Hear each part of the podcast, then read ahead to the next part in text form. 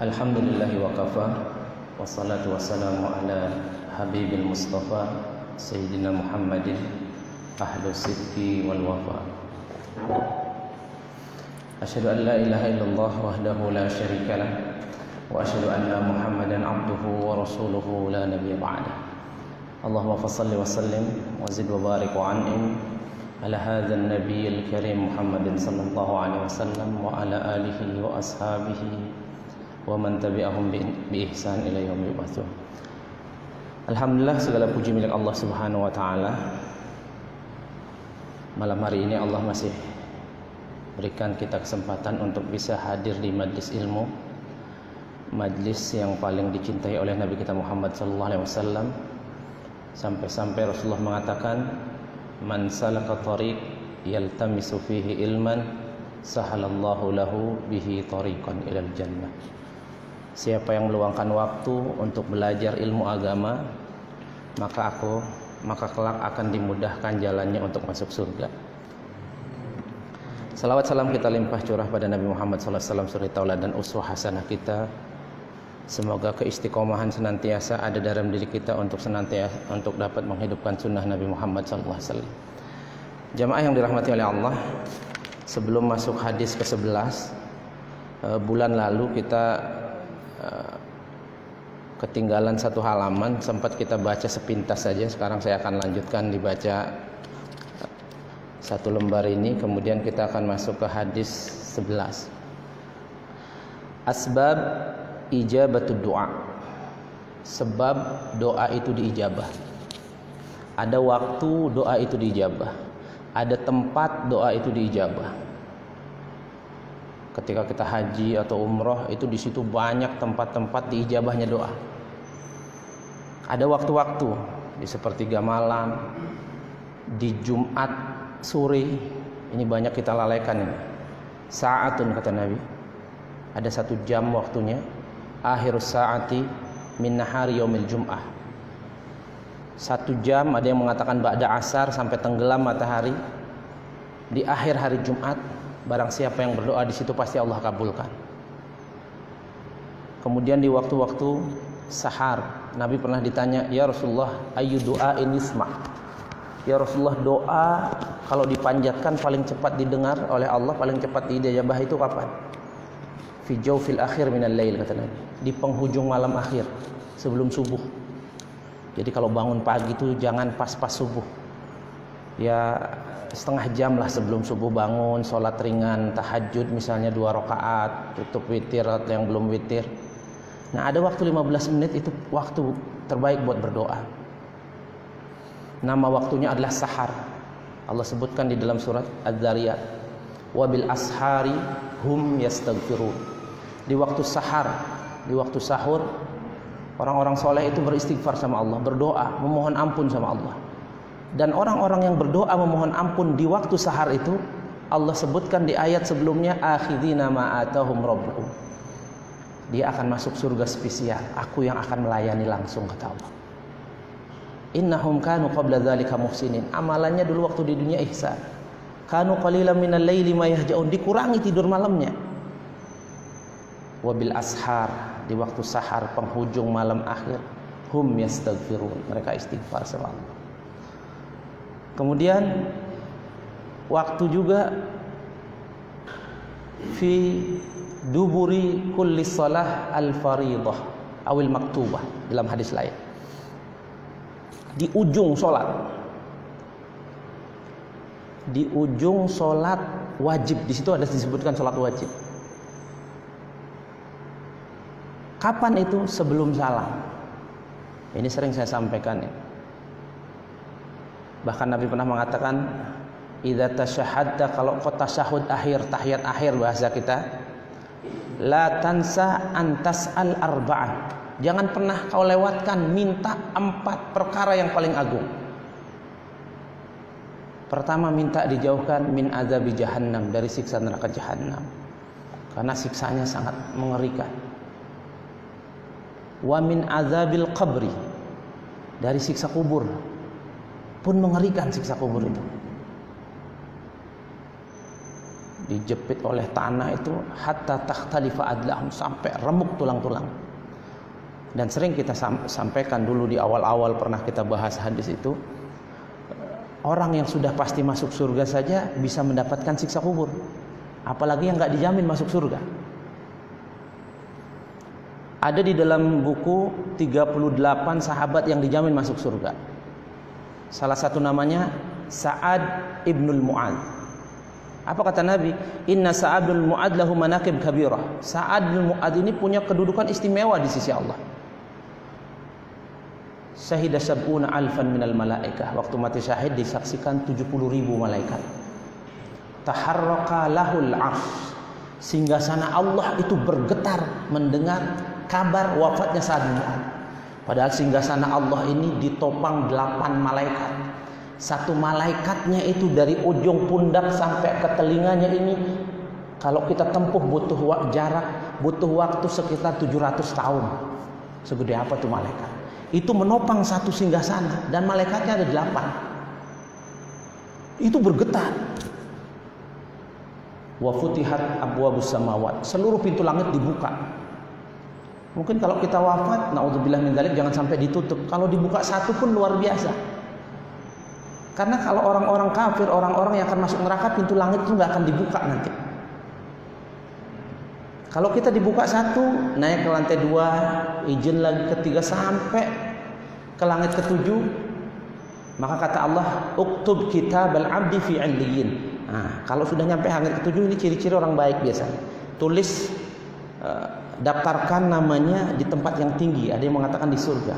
Kemudian kata Allah aiduhu ilal ard. Balikin dia ke, ke bumi. Dari situ dia diciptakan dari situ dia nanti akan dibangkitkan. Tapi orang-orang kafir apa kata Allah? La tufattahu abwabus samawat wa la yadkhulunal jannah hatta yalijal jamalu min fisammil hiyar jangankan pintu langit. Langit pertama aja nggak dibuka pintunya Bahkan orang macam begini yang nggak dibukakan pintu langit oleh Allah nggak bisa masuk surga kata Allah. Kecuali onta bisa masuk lubang jarum. Kan mustahil ada onta bisa masuk lubang jarum. Artinya mustahil. Sa'ad bin Mu'ad Futihat Abu seluruh pintu langit dibuka. Dan setiap pintu ada malaikat yang menjaga. Tapi ketika dia masukkan ke liang lahatnya, apa kata Nabi? Laqad damma dummatan thumma furrija anha Sa'ad bin Mu'ad pun dihimpit oleh kubur, disiksa kubur, tapi cuma satu kali himpitan. Hancur tulang-tulangnya, terus kemudian direnggangkan lagi. Maka seorang ulama yang baca hadis ini setelah dia baca dia sampaikan faqaifa bina wa kalau sekelas Sa'ad Mu'ad yang pasti masuk surga dapat siksa kubur, maka bagaimana dengan kita dan kalian? Maka kita minta tuh perlindungan dari siksa kubur. Wa min fitnatil mahya, fitnah kehidupan dijauhkan dari virus, dijauhkan dari fitnah-fitnah macam-macam. Terlilit hutang piutang. Wa min syarri fitnatil masihid dajjal, dari fitnah dajjal. Kapan diminta? Di akhir tasyahud. Makanya kadang tasyahud itu agak-agak lama kalau yang kedua, yang terakhir. Karena ada permintaan khusus. Nah, sekarang di buku ini penyebab doa itu dikabulkan. Yang pertama adalah itolatus safar. Panjangnya perjalanan, panjangnya safar. Makin panjang safar, makin berat safar, makin besar kemungkinan doa itu dikabulkan. Maka ada istilah as-safar kit'atun minal azab Safar itu potongan dari azab. Karena kita orang-orang dulu apalagi safar. Nabi kita Muhammad SAW dari Mekah ke Madinah 15 hari 15 malam. Tengah padang pasir. Kita saja yang naik kendaraan sekarang luar biasa capek. Saya baru kemis kemarin dari Bali. Dua hari. Sebetulnya kalau nonstop sih bisa satu hari. Cuman nggak kuat malam jam 10 cari hotel nginep. Besok jam 8 jalan lagi capek. Nah, safar ini perbanyak doa. Kita mulai dengan doa safar dulu, nanti di jalan kita doa. Bahkan Nabi katakan kalau nanjak jalannya baca Allah Akbar, kalau nurun baca Subhanallah. Baca ini. Jangan safar banyak dengerin dangdut di mobil. dengerin lagu-lagu naudzubillah min dzalik kalau kecelakaan pas sakaratul maut kita nggak bisa menyebut nama Allah ini musibah. Dengarkan yang baik-baik. Karena apa yang kita dengarkan itu akan terniang nanti. Itu alatus safar. Hadis Nabi uh, dari Abu Hurairah semoga Allah meridhoinya mengatakan salatu da'awat mustajabat la syakka ada tiga doa sangat dijawab oleh Allah nggak ada keraguan di dalamnya. Dakwatul mazlum yang pertama adalah doa orang yang terzolimi maka jamaah yang dirahmati oleh Allah hati-hati kita hidup di dunia ini menzolimi orang orang yang kita zolimi walaupun nggak soleh kalau dia doa buruk sama kita itu cepat sekali dikabulkan sampai Nabi katakan ittaqi da'watal mazlum takutlah kalian doa orang-orang terzolimi fa inna laisa bainahu wa bainallahi hijab. Antara dia dan Allah nggak ada jarak. Artinya apa? Kalau doa cepat dikabul. Cepat dikabul. Maka jangan banyak menzolimi orang di muka bumi ini. Khawatir dia doa buruk sama kita dikabul oleh Allah Subhanahu wa taala. Wa da'watul musafir. Yang kedua adalah dari tiga doa mustajab itu doa orang yang sedang dalam perjalanan. Wa idza tala safar kana aqrab ilal ijabah. Di dalam kitab ini dikatakan semakin panjang safar, semakin dekat kemungkinan untuk dikabulkan. Tentunya safarnya safar yang untuk kebaikan ya, karena ada orang melakukan safar untuk kemaksiatan. Li'annahu madzannatul inkisarun nafsil bitulil gharbah wa tahmilul masyaq. Karena tadi seperti kita sampaikan, safar itu ada beban, ada kelelahan di situ. Maka ini salah satu penyebab doa itu cepat diijabah oleh Allah. Yang ketiga adalah wa da'watul walid liwaladihi. Doa orang tua buat anaknya. Seorang ibu walaupun gak soleh-soleh amat, bisa jadi belum tutup aurat. Tapi kalau doa buat anaknya cepat pak. Apalagi doa jelek. Maka ketika kita jadi orang tua, jangan sampai dalam kondisi marah kita doa buruk buat anak kita. Ini biasanya cepat dikabulkan oleh Allah Subhanahu wa taala. Maka dalam kondisi marah pun kita harus doa baik-baik. Kan kita pernah kita sampaikan atau kita masih dengar, sering dengar kisahnya banyak sekali di internet. Di Arab itu ada orang anak kecil bandelnya luar biasa. Sedang dijamu, ada tamu sedang dijamu orang Arab itu paling apa paling memuliakan tamu. Orang Arab walaupun agak pelit tapi kalau kita bertamu biasanya dimuliakan. Saya pengalaman jadi guide orang Arab di Bali itu kadang ngasih tipnya nggak terlalu banyak tapi kalau dia kita main ke hotelnya ke kamarnya jamuannya spesial semua bahkan dia masakan sendiri Sampai-sampai di dalam surah Az-Zariyat kan diabadikan itu. Di surah Az-Zariyat diabadikan Abi Ibrahim kedatangan tamu malam-malam, Pak. Tamu malam-malam. Jam setengah tiga. Ada di surah Az-Zariyat itu. Tamu malam-malam apa yang dilakukan Ibrahim?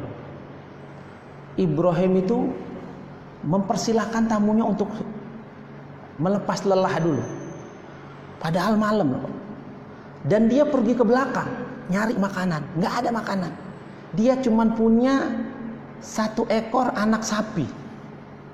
Apa yang dilakukan Ibrahim? Disembelih anak sapinya. Sempat diambil dari yang terbaik dibakar. Disajikan kepada tamu-tamu ini. Ala tak pulun katanya silakan tuan-tuan makan. Yang datang itu bukan manusia pak malaikat. Malaikat yang datang, malaikat mana dia makan makan daging bakar? Kalau kita doyan, malaikat nggak mau. Fa'aujasa minhum khifah.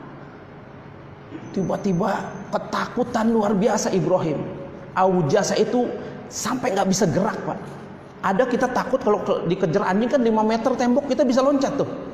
Tapi ada takut yang badan kita nggak bisa gerak. Namanya aujasa minhum.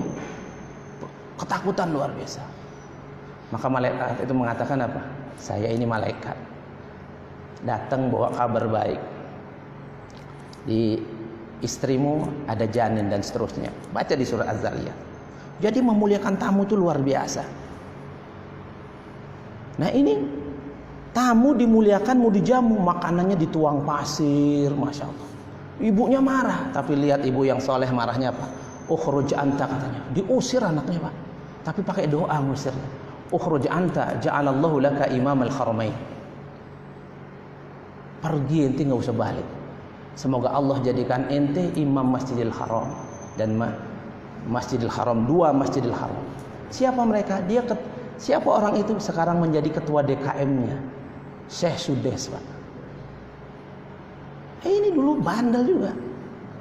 Bisa jadi anak-anak kita yang bandel-bandel sekarang itu. Ya asal bandel-bandelnya wajar aja. Bisa jadi besarnya menjadi ulama, Pak. Nah, jamaah yang dirahmati oleh Allah Subhanahu wa taala. Kemudian yang kedua sebab dikabulkannya doa husulut tabadzul fil libas wal hay'ah. Ini kadang kita perlu ketika berdoa terutama ketika sholat istisqa menggunakan pakaian yang sederhana. Kondisi yang eh, merendahkan diri, menghinakan diri di hadapan Allah Subhanahu wa taala. Dan ini dilakukan oleh Nabi saat sholat istisqa. Dan ini juga disampaikan di hadis yang ke-10 itu bahwa uh, musafir ini adbaro as'as, rambutnya lecek, bajunya kusut. Nah, ini menyebabkan doa cepat diterima. Kemudian yang ketiga adalah maddul yadaini ila sama, ngangkat tangan ke langit. Dalam berdoa itu ada macam-macam versinya. Ada sebagian yang selepas sholat itu nggak pakai angkat tangan. Ada yang ketika khutbah angkat tangannya begini. Dan ini saya saya setiap khutbah kalau doa doa pasti begini saya. Saya ngikutin dalil yang begini. Ada doa secara umum angkat tangan. Bahkan doa-doa ketika genting angkat tangannya tinggi, Pak. Ini dilakukan Nabi ketika sholat istisqa sama waktu perang Badar.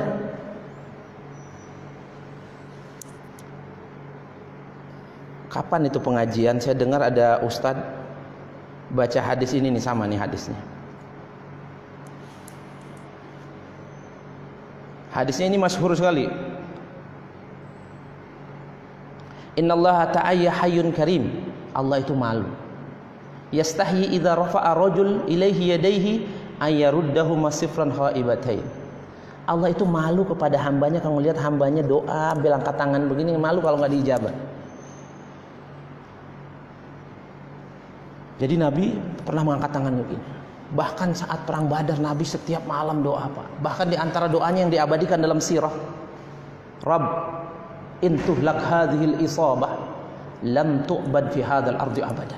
Ya Allah kalau kau habiskan uh, sahabat-sahabatku, tentara-tentaraku di perang Badar ini, kau tidak akan pernah disembah di muka bumi. Allah menangkan saat perang Badar. Dan itu Nabi ngangkat tangannya begini tinggi sampai uh, sorban yang biasanya ditaruh di sini itu jatuh. Kemudian yang keempat adalah al-ilhah Allah azza wa jalla. Doa sambil merengek, sambil merintih, bila perlu sambil nangis, Pak. Jadi irilah Pak kalau melihat orang doa nangis. Jadi jangan wah cengeng banget doa nangis. Kita bisa nggak nangis? Kan kata Abu Bakar apa? Fa in lam tabku fatatabaku. Kalau nggak bisa nangis, bikin seolah-olah nangis. Nggak bisa juga nangisilah dirimu yang nggak bisa nangis. Doa nangis pak. Ini nonton sinetron nangis. Gimana? Ada dulu saya waktu SMP teman saya cerita, uh saya nonton film India tiga kali tiga kali nangis laki-laki pak, ya Allah, gimana? Doa nggak pernah nangis, sholat tahajud nggak pernah nangis. Bukankah Allah mengatakan sab'atun yuzilluhumullah fi dhillihi yawma la dhilla illa dhilluh lewat lisan Rasulullah? Tujuh golongan manusia yang akan diberikan naungan pada hari kiamat oleh Allah tidak ada naungan selain Allah. Salah satu di antara tujuh itu siapa? Rajulun idda'atullah khalian fafadat ainahu. Orang yang bangun di malam hari dia sholat dia munajat sama Allah menetes air matanya. Air mata macam begini tidak akan disentuh api neraka. Jadi Pak iri kalau kita ngelihat kanan kiri ya Allah doanya nangis. Saya belum bisa nangis, nangis Pak. Nangis. Ada lagi yang mengatakan ikhlal ikh, eh, al-ilhah ini adalah At-tikrar, mengulang-ulang. Ya Rob, Ya Rob, Ya Rob, Ya Rob diulang-ulang. Kalimat rububiyah ini. Karena Nabi SAW mengatakan, "Idza qala al-'abdu ya Rob arba'an" Kalau hambaku doa mengatakan ya Rob, ya Rob, ya Rob sampai empat kali kata Nabi. Qala Allah, Allah akan berkata kepada yang berdoa tersebut, "Labbaika 'abdi." Mau minta apa hambaku? Disambut panggilan itu. Sal, minta. Tuh. Tuh, Aku mau kabulin kata Allah.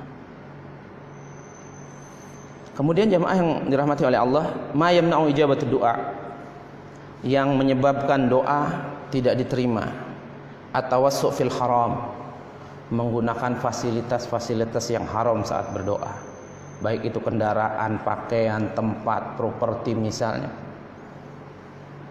syurban dari segi minuman, libasan, pakaian, takziah, makanan yamna ijabatud doa. Ini penyebab doa tidak diijabah oleh Allah Subhanahu wa taala. Baik jemaah kita masuk hadis ke-11. Al-akhdhu bil yakin wal bu'du syubuhat. Mengambil yang yakin menjauhi subhat. Ini di hadis ke-6 juga sudah kita bahas. Sudah dibahas tentang perkara syubhat. An Abi Muhammad Al Hasan bin Ali bin Abi Talib. Dari Abi Muhammad Hasan bin Ali bin Abi Talib sibti Rasulullah cucu Rasulullah. Dalam bahasa Arab itu kalau sibtun cucu dari anak perempuan. Kalau hafidun cucu dari anak laki-laki. Berarti ini dari Fatimah wa royhanatihi royhana itu sebetulnya aroma semerbak harum cuman di sini uh, ditafsirkan oleh ulama-ulama hadis kesayangan Nabi Inna innal Hasan wal Husain sayyida syababi ahli jannah kata Nabi. Hasan dan Husain itu sayyid penghuni surga. Radhiyallahu anhuma semoga Allah meridai keduanya. Qala berkata Hasan, hafiztu min Rasulillah. Aku hafal dari Rasulullah SAW sebuah kalimat da' ma yaribuk illa ma la. Pendek sekali hadisnya, tapi kandungannya dalam luar biasa. Tinggalkan yang meragu-ragukan kepada sesuatu yang tidak meragu-ragukan. Fikhul hadis, kandungan hadis, at-tarkus syubuhat. Yang pertama adalah meninggalkan perkara syubuhat. Inna inna tarka syubuhat fil ibadat wal muamalat wal wal munakahat wasairi abwabil ahkam waltizamul halal fi kulli dhalik yuaddi bil muslim ilal wara. Ketika kita meninggalkan perkara-perkara subhat dari segi ibadah ibadah muamalah pernikahan dan segala macam hal ini menyebabkan kita memiliki sifat wara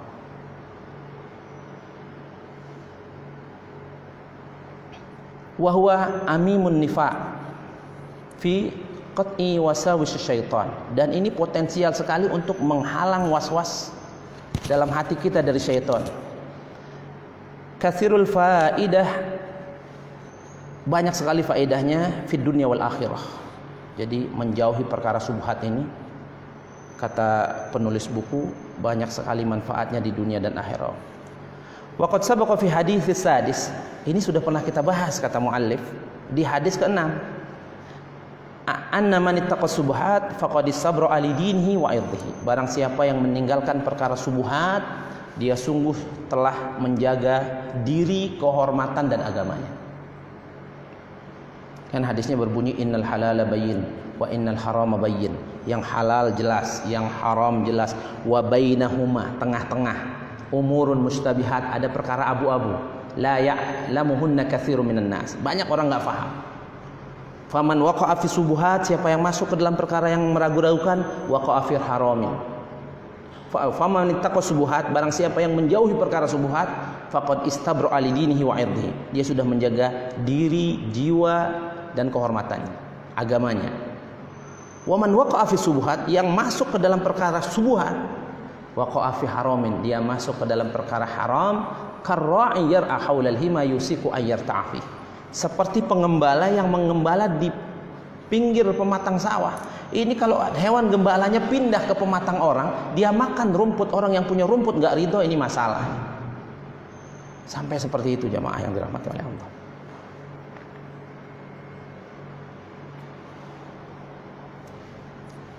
Wa innal halal al mutayakkin la yahsul lil mu'min fi qalbihi minhu syak awir raib.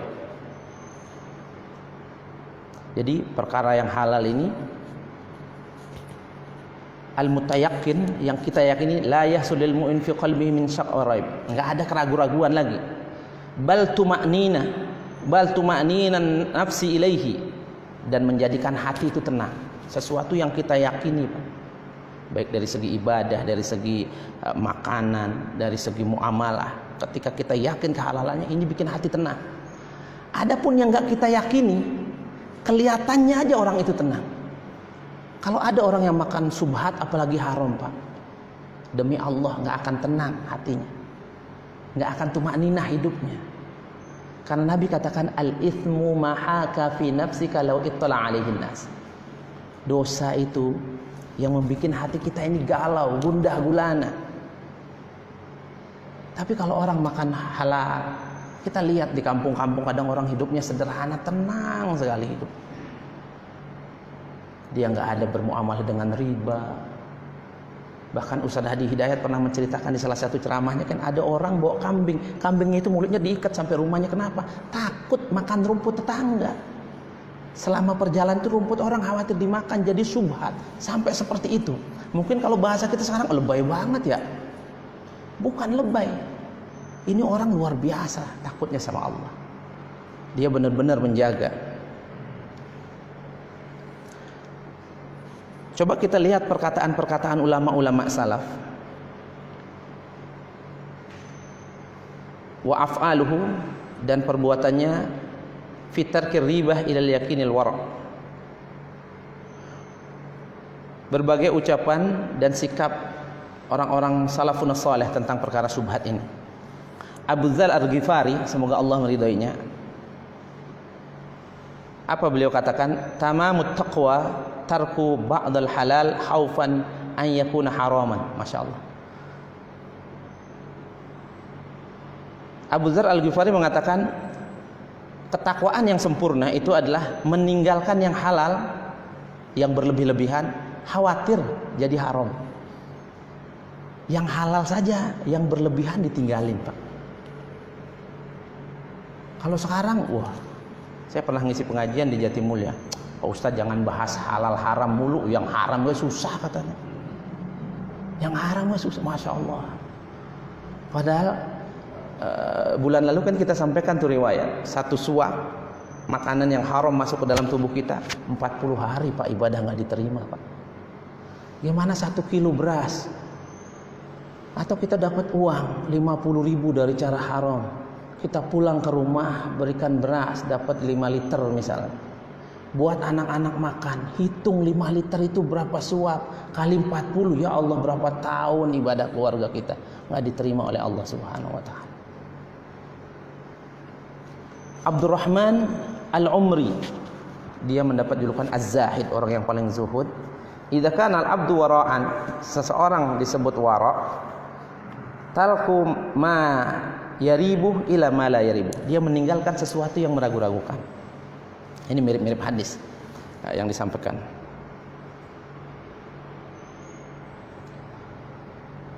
Qaulul Hasan bin Abi Sinan Ma syai'un ahwanu minal wara'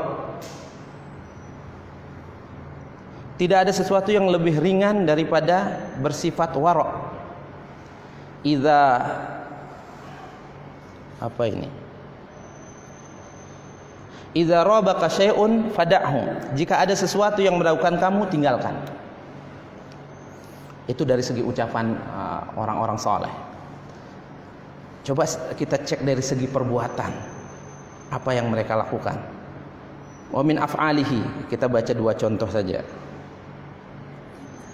Anna Yazid bin Zurai tanazzaha min khumsumi'ah alf min mirathi falam ya'khudhu Masya Allah Yazid bin Zurai tidak mengambil khumsumi'ah alf 500 ribu ini 500 ribu rial dinar apa apa nggak disebutkan dari warisannya. Kenapa?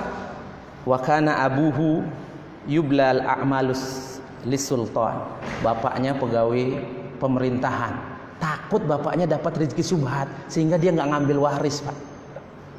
Mungkin kita wah ini berlebih-lebihan. Inilah ulama-ulama hebat itu.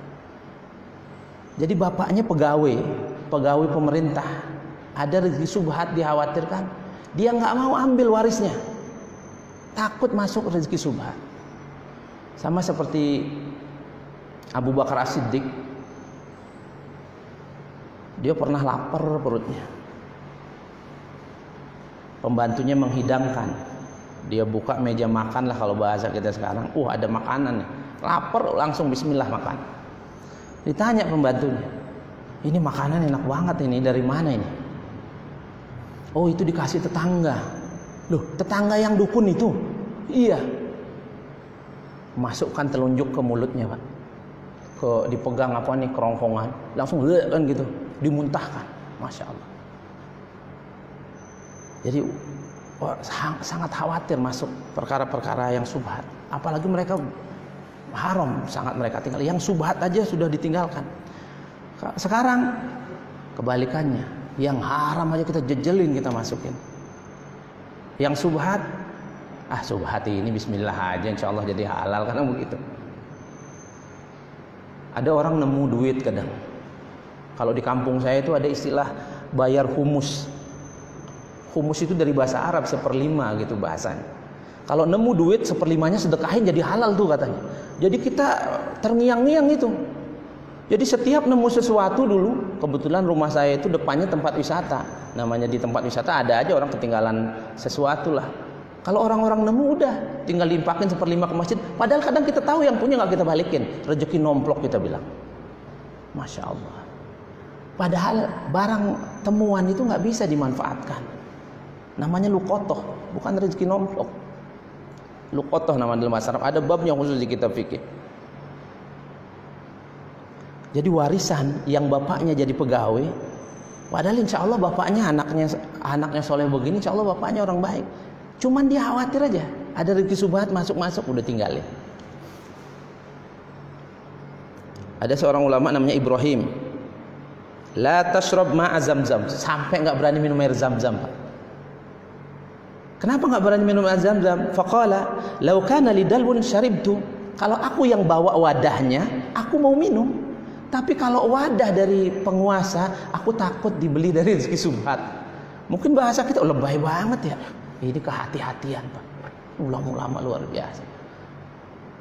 Nah, ini jemaah yang dirahmati oleh Allah Subhanahu wa taala.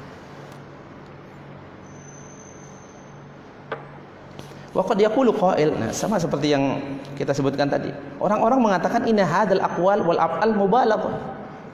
Kadang-kadang kita lihat perbuatan ulama-ulama tadi, perkataan ulama-ulama tadi sedikit lebay, mubalaghah terlalu berlebih-lebihan. Orang mengatakan begitu. Innal ummah fi kulli hasirin bihajah ilal qudwah salihah. Apa kata muallif? Sesungguhnya umat itu butuh kudwah, butuh contoh orang-orang soleh macam begini kalau semua semua mengentengkan mengentengkan nah ini musibah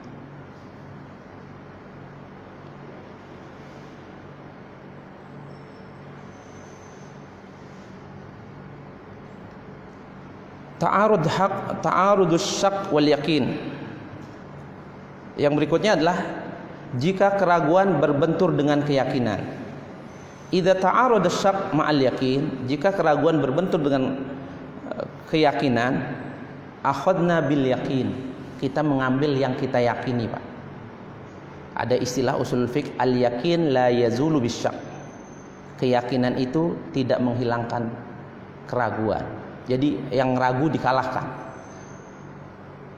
Wa misalu dzalik contohnya insanun tawaddo ada seorang wudhu yakinan thumma syakka hal intaqada wudu'ahu. Dia wudu, setelah wudu berlalu beberapa waktu dia ragu, eh, saya masih punya wudu nggak ya? Maksudnya udah kentut belum ya gitu. Udah batal belum ya? I'tabara mutawaddian. Mustanidan dzalika marwahu muslim. Maka sandarannya ini kata Nabi sallallahu alaihi wasallam hadis riwayat muslim idza wajada ahadukum fi batnihi syai'an. Kalau kau merasakan di perutmu ada sesuatu sesuatu yang agak bergerak-gerak keluar ya, dirasakan fa askala alaihi ahraja amla dia ragu-ragu ada keluar nggak ya? Ada keluar nggak ya? Fala yahrujna minal masjid jangan batalin sholat.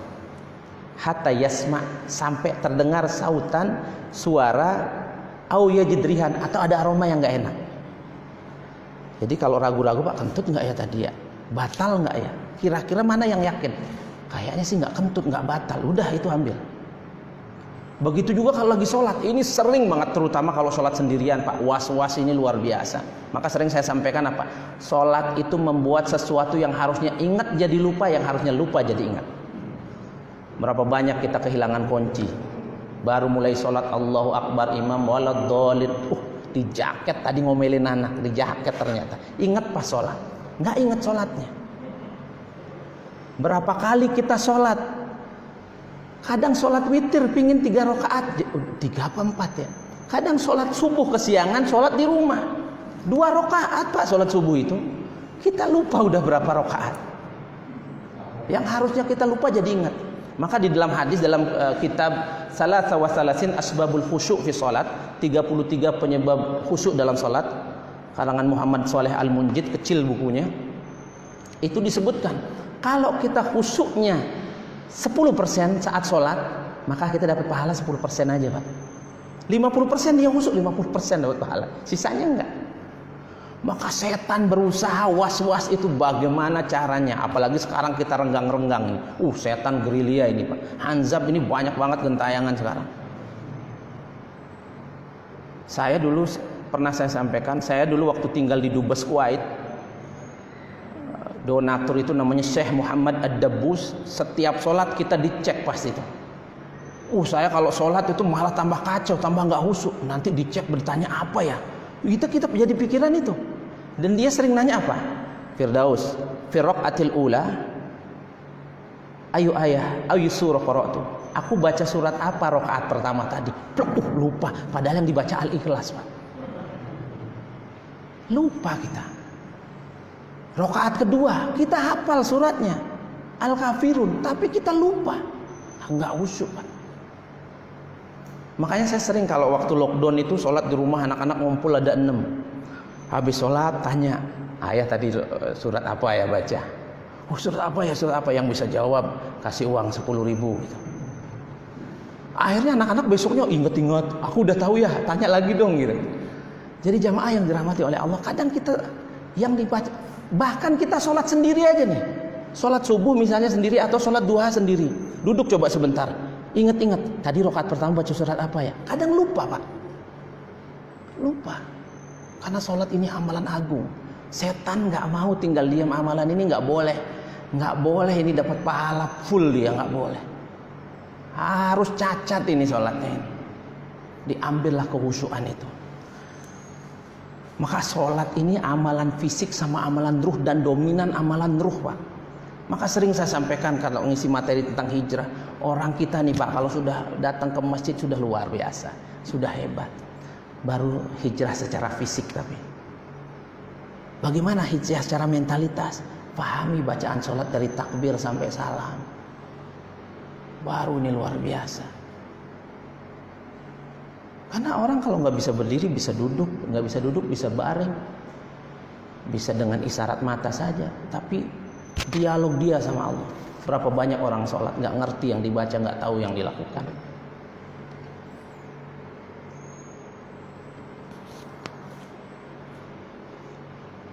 Jadi kalau lagi sholat ragu-ragu nih kentut apa enggak ya? Kalau nggak ada yang kebauan sebelah, apalagi nggak ada suara, lanjutin aja pak. Insya Allah aman. Dalilnya itu tadi. Hadis riwayat Imam Muslim.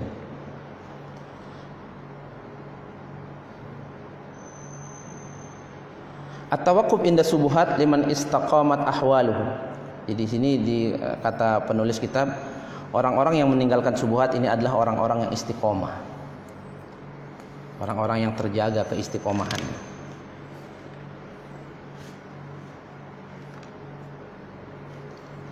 Asid tuma'ninah wal kadzab ribah. Kemudian kandungan hadis yang berikutnya adalah kejujuran itu membuat ketenangan jiwa dan kebohongan itu membuat gundah gulana. Qaulun Nabi sallallahu alaihi wasallam fi riwayah Tirmizi inna sidqa tuma'ninah wal kadzbu ribah. Kejujuran membuat hati tenang. Kedustaan membuat hati gundah gulana. Wa yursiduna al hadis ila anna an nabniya ahkamana wa umurna hayatana al yaqin. Hadis ini mengajak kita semua untuk membangun kehidupan kita ini atas dasar keyakinan.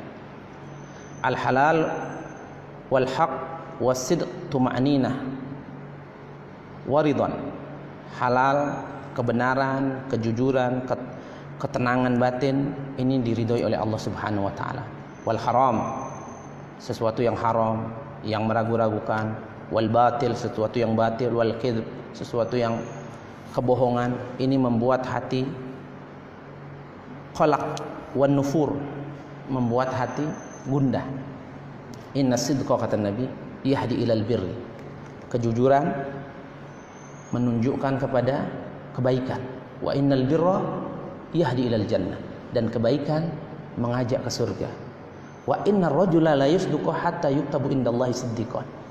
Orang kalau berbuat jujur akan dicatat oleh Allah sebagai hamba yang jujur. Sebaliknya, wa innal kadzib yahdi ilal fujur. Kebohongan, kedustaan. Ini perkara fajir, perkara yang buruk wa innal fujur perkara buruk ini yahdi ilan nar. Akan memasukkan pelakunya ke dalam neraka. Wa innar rajula la yakdziba hatta yuktabu indallahi kadzaban. Orang kalau sudah biasa berdusta Allah akan cap dia sebagai pendusta. La yasma'una fiha lagwan wala kidzaban. Di dalam surga Allah sebutkan di dalam surah An-Naba tidak ada lagi mendengar kita perkataan lagun, perkataan sia-sia dan kidzaba, perkataan dusta. Kita nggak akan dengar itu. Nah, jemaah yang dirahmati oleh Allah Subhanahu wa taala, ini pendek sekali hadisnya, keterangannya juga pendek.